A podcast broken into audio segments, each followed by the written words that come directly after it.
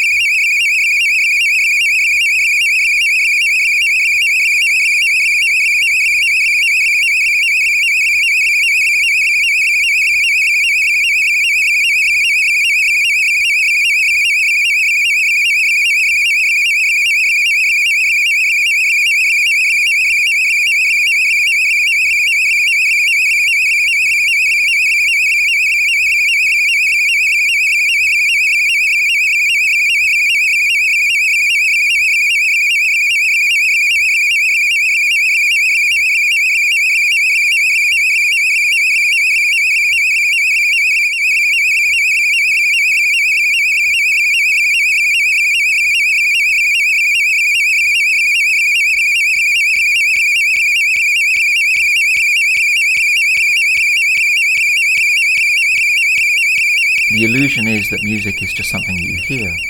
But in fact, it's not something you hear because that implies that there's this thing there that, and it's coming to you. It's you are experiencing something and it comes from within you and at best it's just a trigger for that. There's a lot that's invisible in that process. And if music is reduced to a purely digital format, that's something you have just on your mobile phone or your iPod or your so forth, then you're actually denying yourself a huge part of the experience. Even though the illusion is just the music, you're denying yourself the all the kinesthetic aspect, you know, the visual aspect of it, uh, the tactile aspect, and and, and, and even those um, don't incorporate lots of other invisible things that that people don't appreciate. So holding a record sleeve in your hand as you listen to music is a powerful filter for how you experience the music and it's not even just the visual aspect, it's the smell of it, it's the vinyl, it's the fact that there's a machine in your room that's spinning around, there's the fact that you actually place it on the machine and you put the needle on the record and you know I could go on and on and on about how this experience goes. even then these are still the these are the visible aspects of it you know because I'd contend that there are, even then there are there are all sorts of transparent aspects to this process that, that go unappreciated because because we, you know, we we still accept this illusion that music is just this thing that's in the air somehow.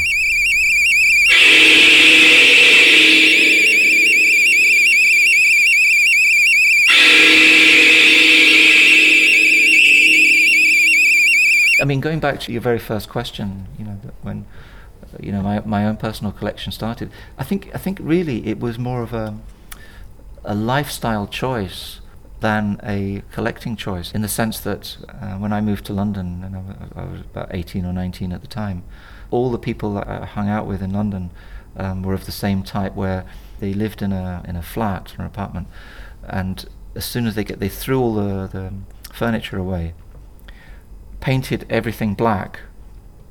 They just put one mattress on the floor to sleep on, and then they'd buy like a million pounds worth of hi-fi equipment and start a record collection. And that's, you wouldn't have anything else. I mean, and, and everybody was the same. So you pretty much sort of fell into this kind of um, lifestyle pattern of um, just having a record collection, your mattress, and your hi fi. Uh, and everybody was like that, you know. Not even a fridge.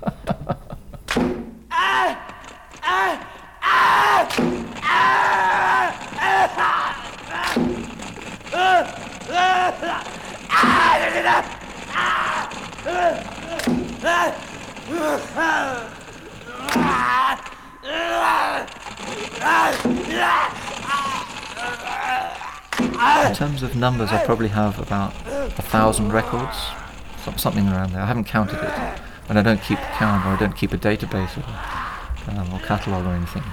Although it would be kind of fun to do that. And probably the same again for, for CDs, a couple of hundred cassettes as well. Most of the cassettes and the weird format stuff, you know, things in cans and boxes and weird packaging type things, came mostly from the 80s sort of trading stuff. Uh, got quite a few things like that.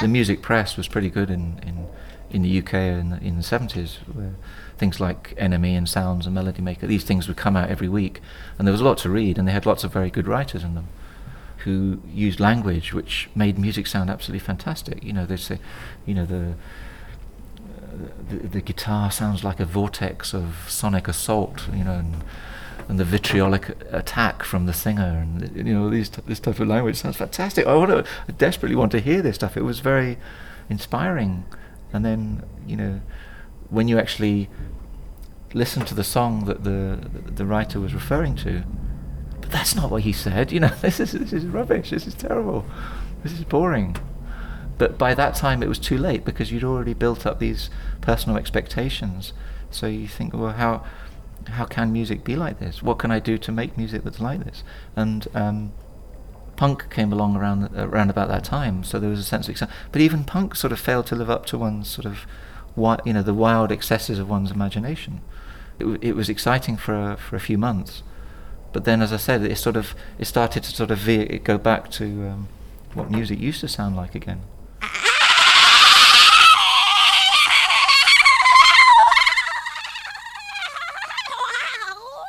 For me, the first time where I felt that I was, you know, I felt I, I, was being taken to a completely unfamiliar territory, where music really, finally, I felt that it's living up to the promise that all of these descriptions, you know, you re- you'd read about all the pro, all this kind of flowery prose described. Sort of, uh, it was the first time I felt, now we're talking. This is exciting. This is a really interesting place to be.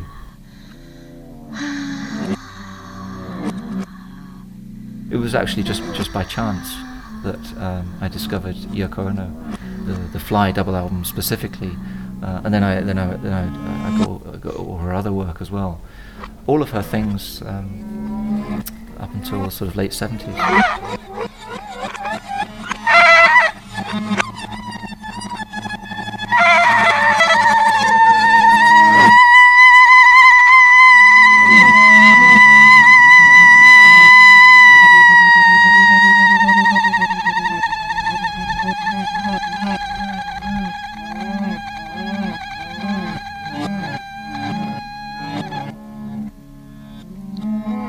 The collection of um, Stephen Stapleton that I, that I, you know, I learned a lot about, as I say, more obscure um, artists, and that's when things got started getting really exciting. And um, there was the uh, the Cromagnon Orgasm album.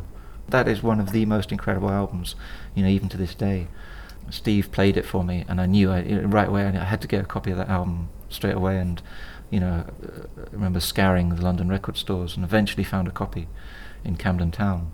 A beautiful original copy, and it was only about four pounds. Now it's incredibly rare because people didn't. It's just a weird thing. and Nobody wanted to listen to it. The Nova Musicha stuff, for example, and you know the Alvin Lucier Bird and Person Dyning was, in terms of influencing the music that I've, that, that I've made, by far the biggest. You know, if, if you've heard that particular, you know, the the title track of that album,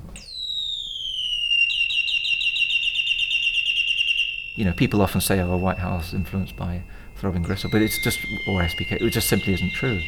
If anything, it was a polarity response that they were a negative influence. I didn't want to sound like that. I didn't. I didn't like the way they sounded at the time, but I loved the way that, uh, you know, the Alvin Lucier stuff, the more the kind of classical avant-garde. Uh, Robert Ashley is another example, and these are all these are all things that I discovered from Stapleton's collection and then I, I, I, of course, when I discovered them in his collection, then I knew that I had to have them myself. You know, I could, I couldn't not own these things.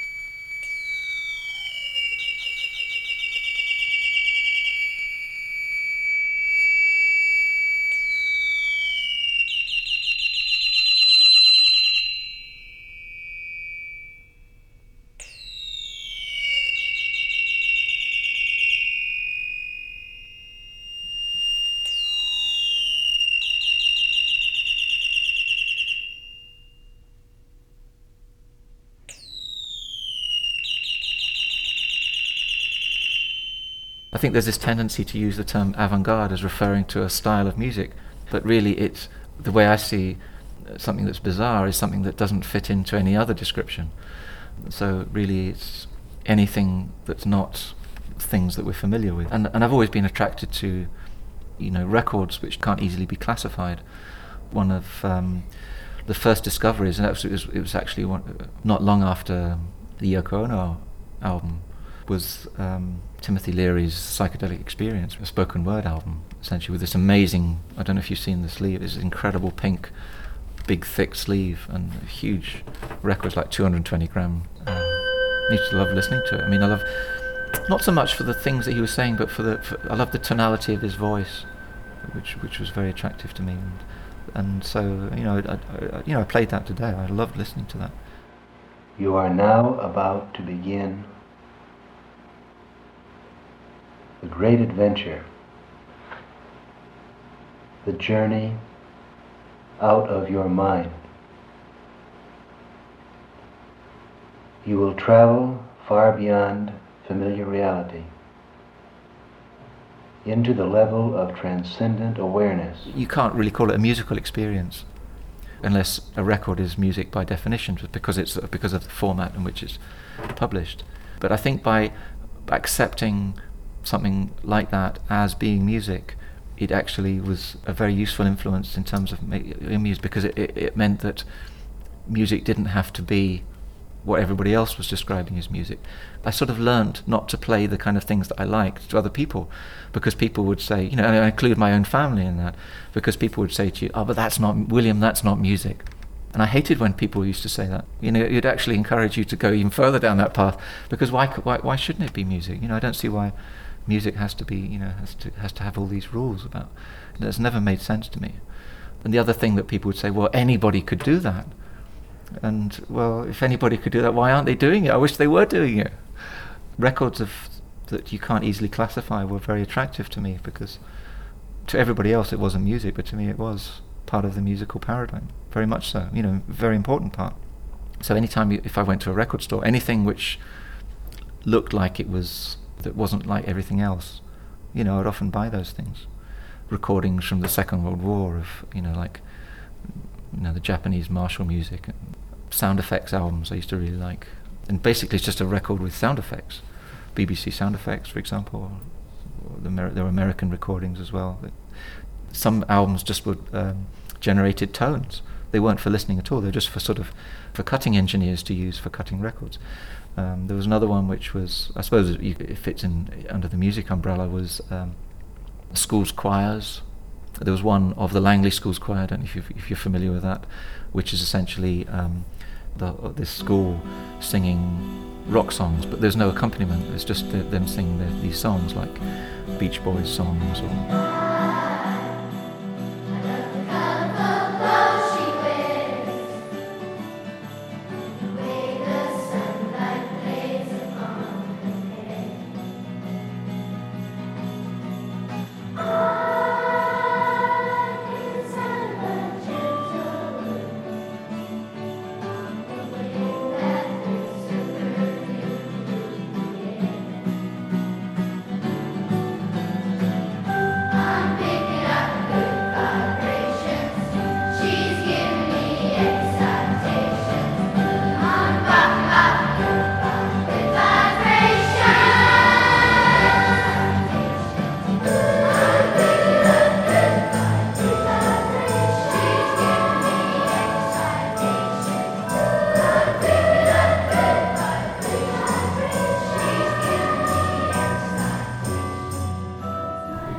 Hoard and there are those who collect, and, and people find it very difficult that, to throw things away.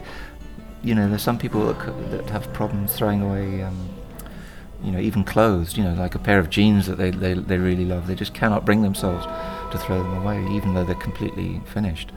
Books, uh, a lot of people find very difficult to throw away, even if they're never going to read them again. But they feel compelled somehow to, to. I mean, it's all part of this um, kind of squirreling, if you like, of of one's of one's possessions. And and records too. It's not easy to put a record in the in the rubbish, and it, feels kind of wrong, doesn't it? I mean, um, but I'm not like that. I really don't have a problem with that. If it's served its purpose and it has no further use. And I think the reason for that is that I like this sense of the things that one has, having this kind of sense of purity that they're not sort of, you don't have like a dozen things which you really love and then 150 things which are, which don't live up to that, you know, your expectations. There are things from, especially from the 80s, that were very limited editions that people would give you or, or send you that I've given away to people because I didn't want them anymore, just as gifts, and um, then regretted it afterwards. And of course, it's impossible to get them. I mean, there, there, are lots of things from, from that era that you'll never see again. We were in uh, Austria or somewhere like that, and somebody after the show came up and gave us this kind of tin with a cassette in it and all sorts of bits of rubbish. And um, I thought, this, this isn't something I really want to be taking, you know, have to carry all the way home in my in my luggage. Didn't have space for it. Um, and about 15 years later, I found out that now it sells for about six or seven hundred pounds on eBay. but it went into it just went into the into the bin. Terrible.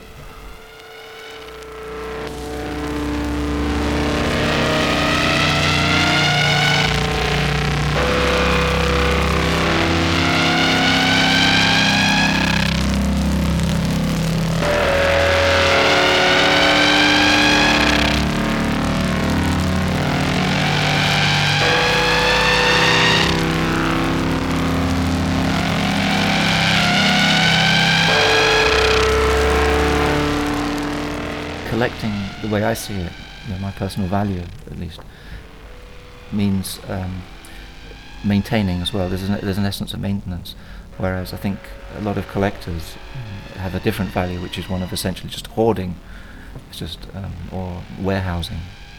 So there's a sort of difference there, I think, between between me and probably a lot of other people. There's a sense that the collection has to has to be pure. I mean, it has to be has to, and, and there's a sense of having to maintain it like that, and um, so there's this constant uh, sense of renewal and um, getting rid of things. It's a bit like how most people probably treat their fridges. You know, the contents of their fridge. You know, you look and check to see what the what the if the, if the, the sell by date is, you know, of, of a yogurt or something as, as you know, it's past its best, uh, and, you, and, you, chuck stuff out when it's not fresh anymore. And it's a, it's a bit the same.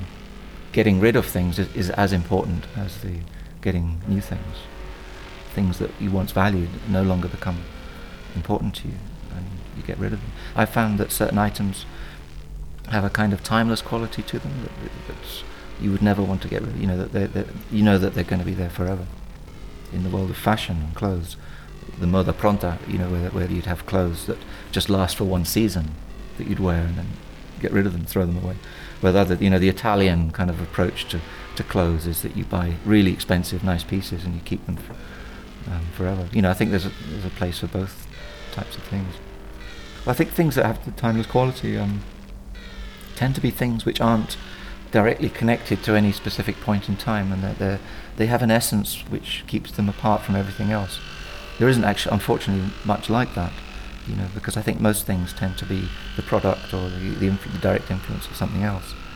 It's the same in, in, in the world of cinema. You know that there are certain films from the 60s or 70s which now seem totally modern, and it's only now that you appreciate the timelessness that they, that they, that they had, but which we perhaps didn't notice at the time. Whereas other things, you know, like from that era, which seemed to be very contemporary, now look very dated and, and, old-fashioned. And I think it's the same with music and, and art in general. It's, it's actually very difficult to um, identify that at the time, and as you say, it's much easier with perspective. Intent as far as art's concerned, and um, you know specifically here in terms of uh, of music, is what was the sort of the primary reason for doing any given thing. And music, unfortunately, um, for the most part, has a lot of um, again I've you know used this word purity, but there's a lot of impurity of intent, artistic intent. In other words, the intent wasn't to create the music in the first place. It was for things like um, you know, a lot of rock music, for example, pop music, is f- because the intent was to be famous. If it's guys, you know, it's to, it's to, to meet girls. Um, if it, you know, to take drugs or to travel around the world or to be liked. I mean, all sorts of non-artistic intents are the reason for making music in the first place. There isn't that much music that's made where it's just made for the sake of music, if you know what I mean. If you can identify the intent of someone, you can see how, how well it will last.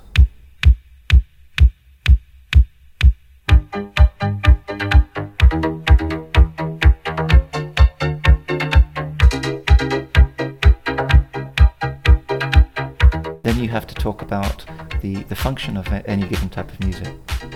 What is music for? For example, the kind of music that I make doesn't have the same function as Italo disco does, or for the most part, rock music. Or that's not to say that people can't use it for the same, but it, it, it doesn't really have the same function. That Italo disco that has the function of, by definition, it's music for discos, for people to dance to. That's its function. It has no other use. Therefore, the function almost overrides the intent. It doesn't matter anymore. So there are certain functions within music where intent doesn't really matter. For example, the music that you hear in a lift. It doesn't really matter what the artistic intent was of that music because if it works and if, it, if it's good lift music, I hate lift music by the way, but by the way, Spain is the only place where I ever heard like heavy metal in like lifts. Sognando questa notte ti guardai, sognando questa notte ti baciai, tocco te mi sento felice, sognando questa notte e dici sorridimi.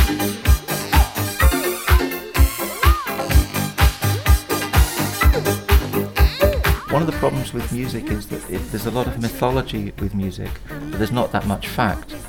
In, in music magazines uh, or music interviews in general, things aren't questioned whether they're true or not. So you'll have a, uh, you know, you'll ask some musician or a band, why did you do this or wh- why did you do that, and the answer is accepted as pure fact. I think it would be interesting if, if there was a study of music that wasn't actually by people who were just fans of any particular genre of music, where they they were actually genuine archaeologists in the sense of you know where did this thing come from? What what exactly? Uh, you know, we were talking earlier about different types of influence. Where do influences start? You know, if we can trace them back, and it's a very difficult thing to do unless you know you're very familiar with sound because it's it's it's not something you can just type into Google. You know, if you're a uh, you know an archaeologist and digging for fossils, you know you have to do a lot of work in order to um, to find examples of it. There are all different types of things that we can look for, depending on what we're interested in. I mean, one, for example, is, is how technology is used. You know, because technology clearly has a big influence on how music sounds. So we like to think that we musicians think we're like the ones sort of making the music and creating the sounds and everything. Uh, in actual fact, it may be it's it's not um, uh, musicians, it's uh, instrument makers or people, you know, manufacturers of technology. And I don't mean that just in the modern sense of um, computers and uh, drum machines and synthesizers and so forth, but even guitars, you know, whoever invented the guitar or, or the modern version of the guitar, the electric guitar, they had much more influence on how music sounds than any guitarist, really, when you think about it, um, or the, the piano or, or anything else for that matter. You know, the piano was considered, when it was invented, it was quite a revolutionary concept because it was essentially a mechanical device, and there was a lot of resistance to um, to making music using a machine like a piano. But look how it's influenced how, how our music sounds today. And uh, you can use big chunks, so so something like examples of you know the earliest written uh, forms of written music using um, piano. Um, but you can have little micro chunks of little phrases or the sort of tropes in music. Um, one of the ones that I'm sort of been kind of trying to investigate at the moment is this whoa. You know that in, in lots of pop music from the 80s where they do this whoa.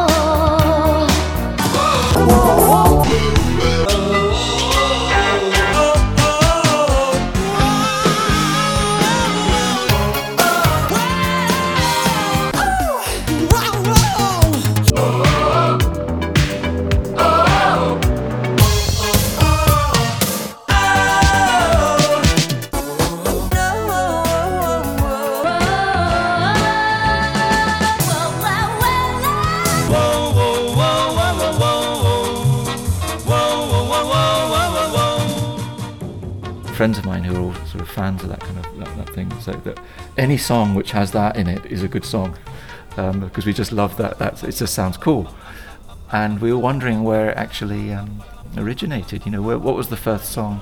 Who came up with that idea of singing like that? Um, because it's brilliant and it's been used so many times, and you, you hear it nowadays in modern pop music. My theory at the moment is it's, it's probably from European pop music from the 60s, but we, we sort of identify it with the 80s, but but I haven't found an example yet, and that's that would be a great discovery for me, like for an archaeologist to find some amazing fossil, you know, the sort of missing link between man and monkey. This is acid. This is acid. This is acid. So many questions have been made about this new dance grade called acid. What people really want to know is how the story all goes about acid. This is acid. I'm gonna give you acid. This is acid. I'm giving you acid. Going back to this, this sound, which was became so synonymous with um, house music, and right up until the present day, you just hear it all the time. Which now, of course, it is created using all sorts of things. Originated with this this TB303, where you could filter the bass sounds. You know, it's synonymous with with the stuff that was coming out of Chicago. But even then, it was at the time it was very underground, very obscure clubs in Chicago, and um, released on, on, on labels where they, they, would only press like 500 copies or 1,000 copies. And then, of course, some English DJs and, and some Balearic DJs started playing this stuff, and suddenly it became incredibly fashionable. And of course, everybody attributes it originally to either Ibiza or Chicago. But of course, the machine itself came out in, I think it may be 82, 83. So what happened between 83 and 86? And um, did suddenly somebody start using it in 1986, or had anybody used it in this way before? And um, with the tsunami of, of house and techno, everybody forgot about Italo Disco. It was it was it, it kind of disappeared as if it never happened. But they were really the first people using all these kinds of technologies then. Alexander Robotnick, who used um, the TB303 in 1983, and you can just about hear it. It's not quite as clear. And then I discovered, not that long ago, about a year or two ago, the, the Barry Mason single.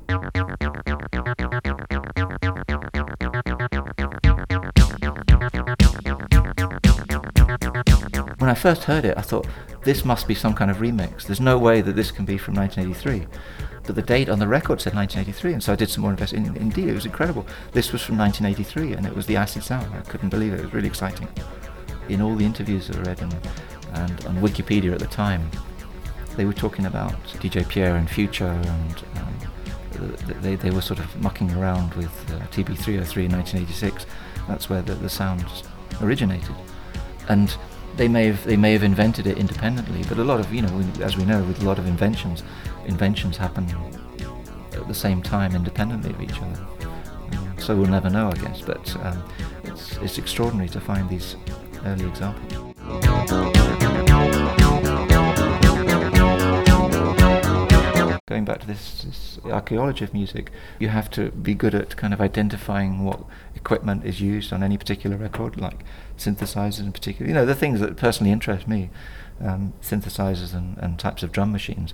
And they're actually, um, I've built up a sort of a digital collection of drum machines, which is, um, I think there's something like I have like six or seven hundred. I mean, you wouldn't believe how many drum machines have actually been released on the market. You know, dedicated drum hardware.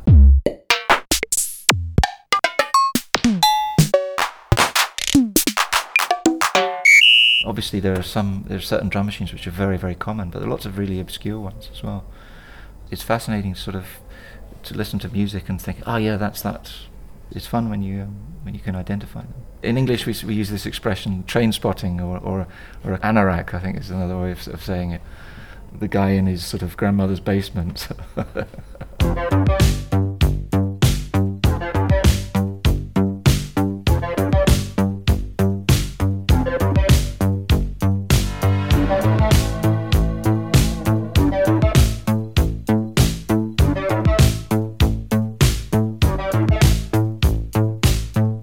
collecting something which is a new genre. Italo disco is a good example because there is no documentation, there are no books that you can read, and there's no, there isn't an internet, and so there aren't people that you can talk to to get information from. You really are on your own. And I remember hearing stuff from the times when I was in Barcelona when I first started hearing that kind of music, but I didn't even know the names of the of the groups. You know, the radio announcer may not even mentioned it. All you had was the, the names of the songs, and um, with mainstream things, you could go into a record store. Uh, and uh, record stores were great then because the, the guys who worked in record stores would often recognize things. You could just have a little bit of a lyric, for example, or you could sing a little bit of the tune or, or describe it in some kind of way, and they would say, "Oh yeah, go over there. You'll find that record over there." And nowadays, of course, no, you, that doesn't exist. And of course, you made a lot of mistakes. You know, you buy things and it wasn't what you thought it was. But each time you bought something, and it was then, then that was another sort of step in a certain type of direction. So, so sometimes you'd buy some, you get a record which was just what you were looking for, and that gave you all sorts of clues to go and find other things, and it all became, became part of your uh, body of knowledge.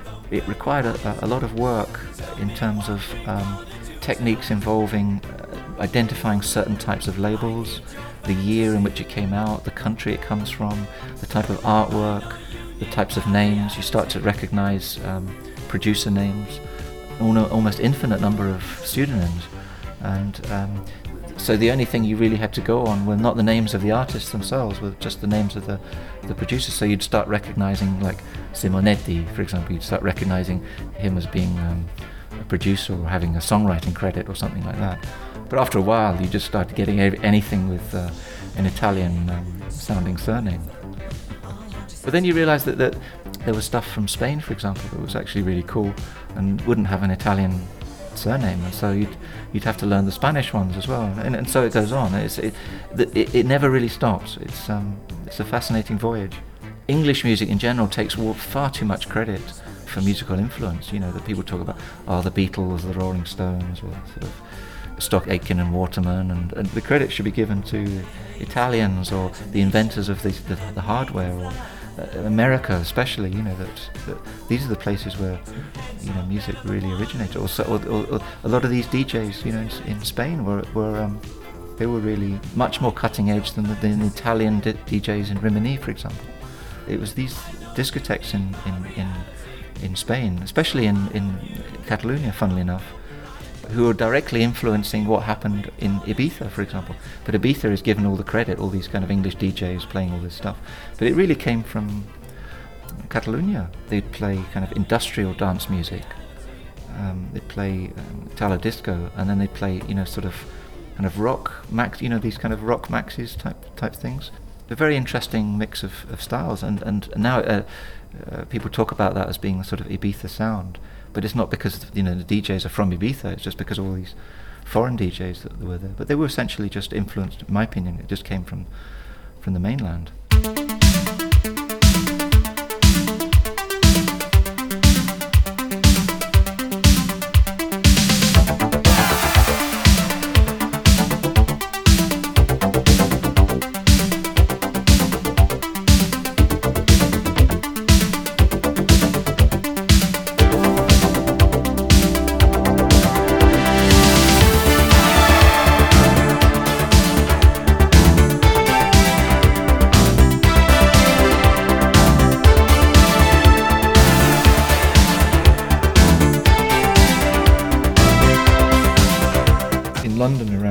Mid 90s. Russell Haswell, for example, and other friends of ours, they started um, a, a, club.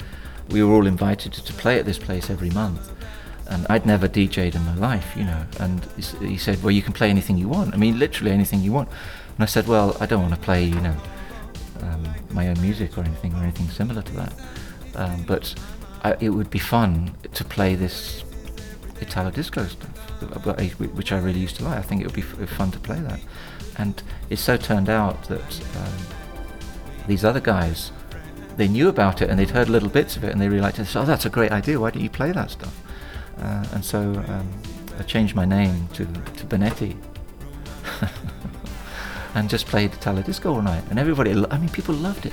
There were lots of uh, celebrities in the club as well. It was quite a trendy place. Bjork was there and, uh, uh, uh, and other people from around that time. And they're all dancing away to this music. And they said, Where has it been all my life? If you'd been in London throughout the 80s, you would have never heard it. It just didn't exist at all. People honestly thought it was a new kind of new style of music. Um, they thought it was fantastic. And then very, you know, very quickly, um, it became very trendy and hip. And all these clubs started up in, in London over the next few, you know, over the years. And still, you know, even to this day, you know, you have these um, Italo clubs, and people go along to them. And they're, now they've become really knowledgeable about this stuff, and um, they, now they've started collecting this stuff. And of course, the prices of, of the original maxis, which you could buy for one euro or nothing. In the, in the late 80s, you could buy this stuff for nothing. Nobody wanted it. Suddenly now is highly collectible. Some of the most expensive things on you know Discogs is essentially um, obscure disco records. The archaeology as well is interesting because people started investigating once they started with sort of the 1983, 1984, 1985 material. They started going about what else is there that you know what else can we investigate, and they found that there's actually Italian disco music and disco funk and stuff from from before then, from actually going back into the late 70s. Um, that's kind of electronic as well. It's incredibly expensive. You know, if you started now, I mean, you you need a lot of money if you want if you started collecting that stuff now. So it's interesting how you couldn't call it nostalgia because it never existed in the first place. It's it's it's it's almost like going into the past to find something new.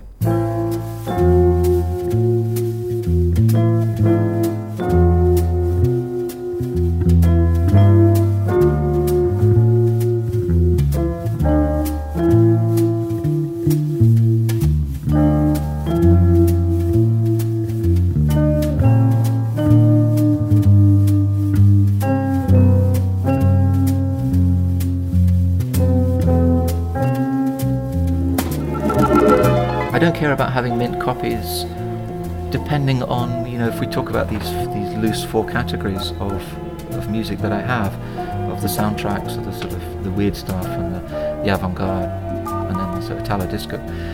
It depends on the function of the genre. So with you know the African percussion music all I'm interested in is the, is the music itself. I really just want to get my hands on the music. It doesn't really matter what format it is.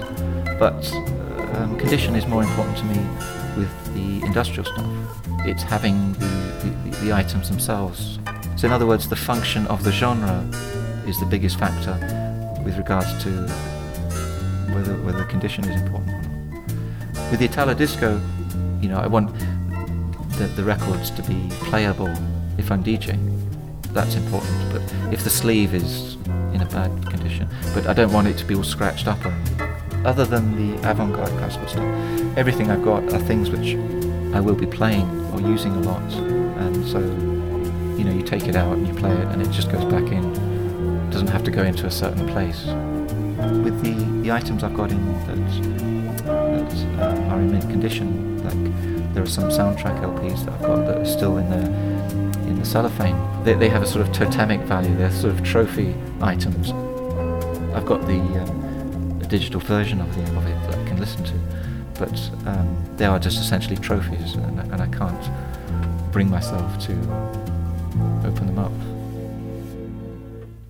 When you visited a record store, you'd have a soundtrack section, and just visually they always seemed very attractive to me that because essentially the cover would be a poster of the film. So you had this beautiful 12 inch, you know, beautiful sleeve and cover, and having it, owning it, was like saying, I love this film. It's like, and I saw this film, I love it, and it's part of me and it's part of what I represent as a, as a person.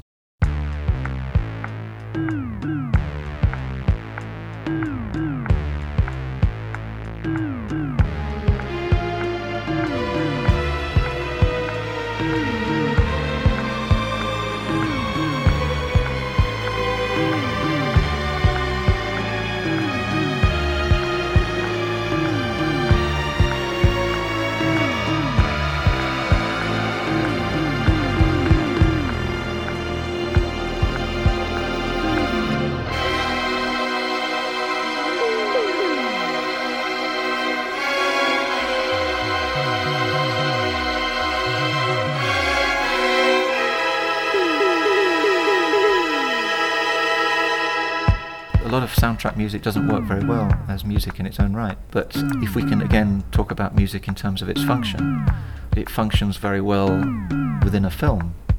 The giallo film from the 70s and 80s had some incredible music from composers such as Riz Ortolani, who was um, an associate who worked with uh, Morricone. I've never, I, I know everybody likes Ennio Morricone, but I've never really, I've never been such a big fan of his. But a lot of the people he worked with, I think, are more interesting. And they specialise so much in soundtrack music that they didn't really release anything. You can only get it in soundtrack format. And it just so happens that the films themselves are amazing as well. Unfortunately, nowadays, there's very little music composed specifically for films other than sort of kind of pretty boring classical stuff like the John Williams type of soundtrack but you know that very few songs are written specifically for films the, industry now is there's this sort of symbiosis between film and music companies where they use the film as a form a, a way of marketing the music that they happen to be releasing at the moment. So you just so film soundtrack albums are just collections of music that they're trying to flog to the public, which is kind of a shame because I think it was great in the 70s and 80s, or the, you know, right back to the 60s, of course, where songs would be written for films specifically, and you'd, you'd have the lyrics would be about the film. There's one song by um, from a horror film that I discovered recently called um, "Happy Birthday to Me." The lyrics don't make sense unless you've seen the film and the ending. I won't spoil it for you so when you see the ending of the film and then the song starts playing and you hear these lyrics, you know, you it has a very powerful emotional effect upon you. Um, and, and it's very rare now to get that.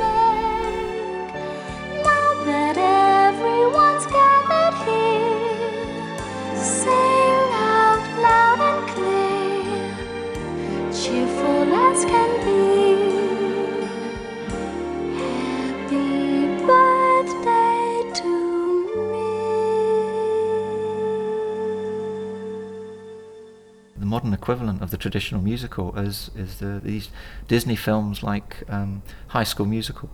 High School Musical three is is genius. You know, I, I, don't apologize. You know, I have no problem saying that. It's not a guilty pleasure. I think it's absolute genius because the great musicals of the sort of 50s and 60s had there was a sort of dual reality where there's a sexual message, a lot of the time homosexual message that's taking place, that was deliberately designed as a transparent concession. So mainstream society wouldn't pick up on it. But it's definitely there. And, you, and when you see these films now, you're thinking, how is it that people didn't recognize these references to, to gay culture? High School Musical does the same thing. People think, well, oh, this is just a, a film for kids. But there are a lot of very powerful sexual and homosexual metaphors taking place and it's brilliant. It's very sophisticated in the sense that um, this dual reality isn't at all obvious to, to kids' parents. You love it. Why is that so hard for you to admit?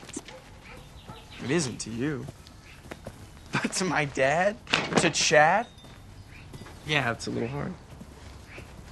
Shouldn't it be?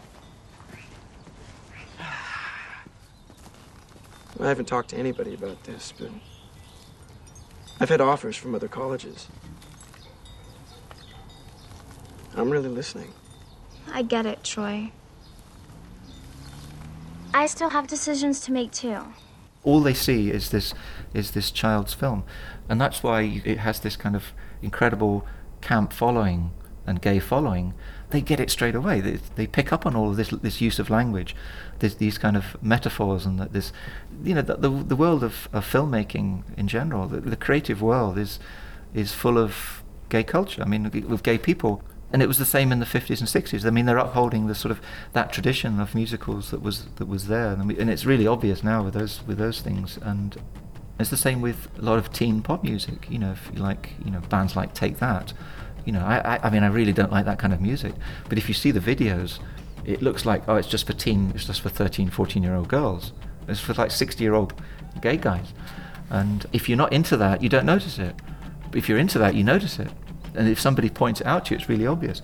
And this this fits into this concept of the archaeology of music, where specific gay tropes in music are are invisible at the time, but they they become really obvious with the benefit of hindsight. So we can look at now, you know, um, George Michael videos or Queen videos or you know Judas Priest in the 70s. How did anybody not notice that that was gay? But at the time, I remember saying to people, "Do you, you do realise that Freddie Mercury's gay?" Freddie Mercury's not gay. I don't know about in Spain, but in the UK, Queen was the ultimate band for straight guys to be into. I mean, another example, um, archaeologically speaking, is is um, Italo disco itself, because the function of that music was to be played in, in the discotheques. You know, the DJs needed a lot of dance music to play in the clubs, and American music was too expensive. But what what isn't obvious is that what's influencing them is essentially gay music in the states because disco music has always been uh, very much part of the, the, the gay scene. There is this sort of dis, there's this divide between what is gay music and what isn't gay music. I mean, Europe, never really had that divide like it is in the states, you know, and that's why there was such a backlash, I think, against you know, essentially a homophobic backlash in the late 70s to, to disco music. But Italo disco was essentially for discos for young people in Rimini and, and, also in Spain. All these guys are being influenced by gay music, but they're not they're not part of gay culture themselves. It's it's fascinating to see this archaeologically speaking. So how directly influenced they are by sort of this kind of high energy disco sound, which which was straight out of um, fist fucking clubs, basically.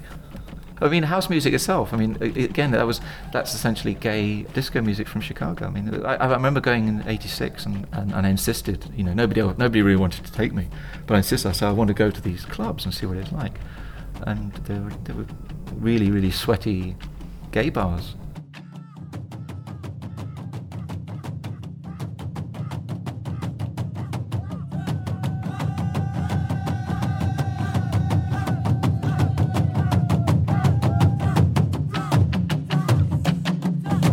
You know, the African music we're talking about, and I'm talking specifically about this West African percussion music, which which interests me the most, is is very very well established. I don't know how old it is. A lot of the, interestingly enough, a lot of the best recordings of it were done in the in the 50s as field recordings, where they took these huge, like um, incredible generators and huge amounts of recording equipment, you know, into Congo, for example, to document this new world. I mean, there was, there was a lot of documentary interest in, you know, not just uh, recording sounds, but filming as well, of course. You know, the, the films of uh, Jean Rouch, for example, are extraordinary. You know, that, they're probably the, the, still the best documentaries of, of all that stuff. And um, we're probably getting the, the purest example of that music because since then there's been so much kind of cultural interference. You know, you, you end up with this horrible, despicable world music thing where African music essentially means Peter Gabriel. Um, so yeah, a lot of the 50s and 60s field recordings, um, they're beautifully recorded. They used incredible equipment, and they're the, probably the purest examples that we have. I remember seeing you know these field recordings of music um, going back as far as when I started collecting in in the, in the early 80s, but I never really sort of um, picked up many of them didn't really have a specific interest in, in, in that type of music. But then in, later on in the early 90s, saw a couple of documentaries. It was, you know, I was just investigating ways of making music. And um, it was about some um, voodoo practitioners in Haiti were making music.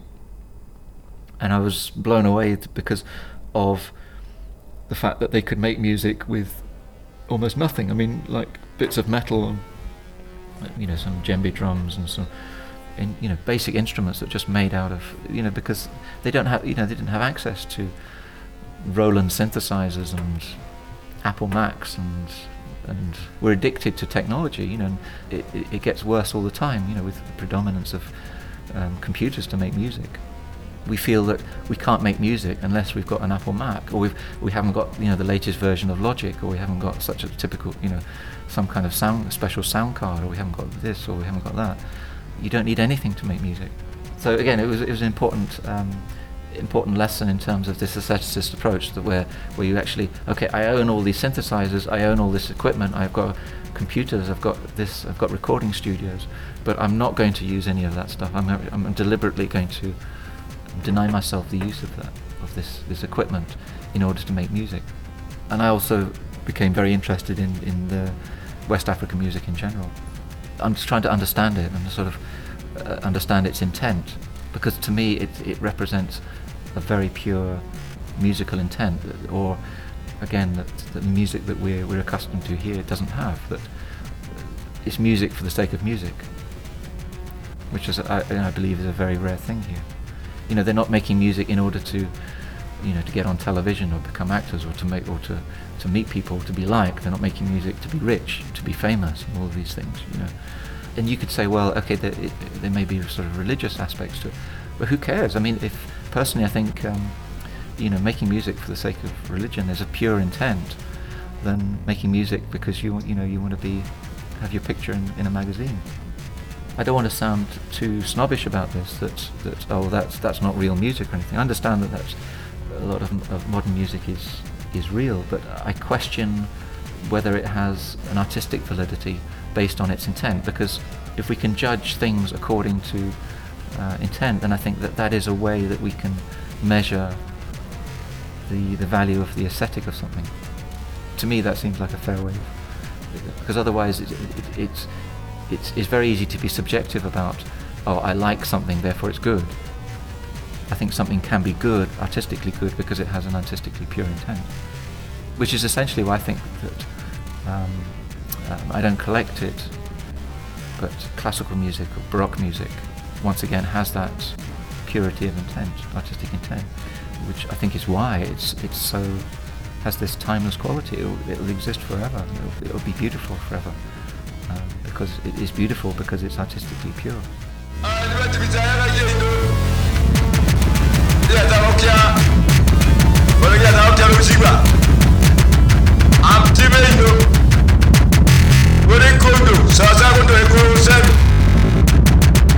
ndabo ibajibija inirengbahemo ukaida ise epuluvatani nokaise engama imbi bacikujuleyaka zokukwatazakile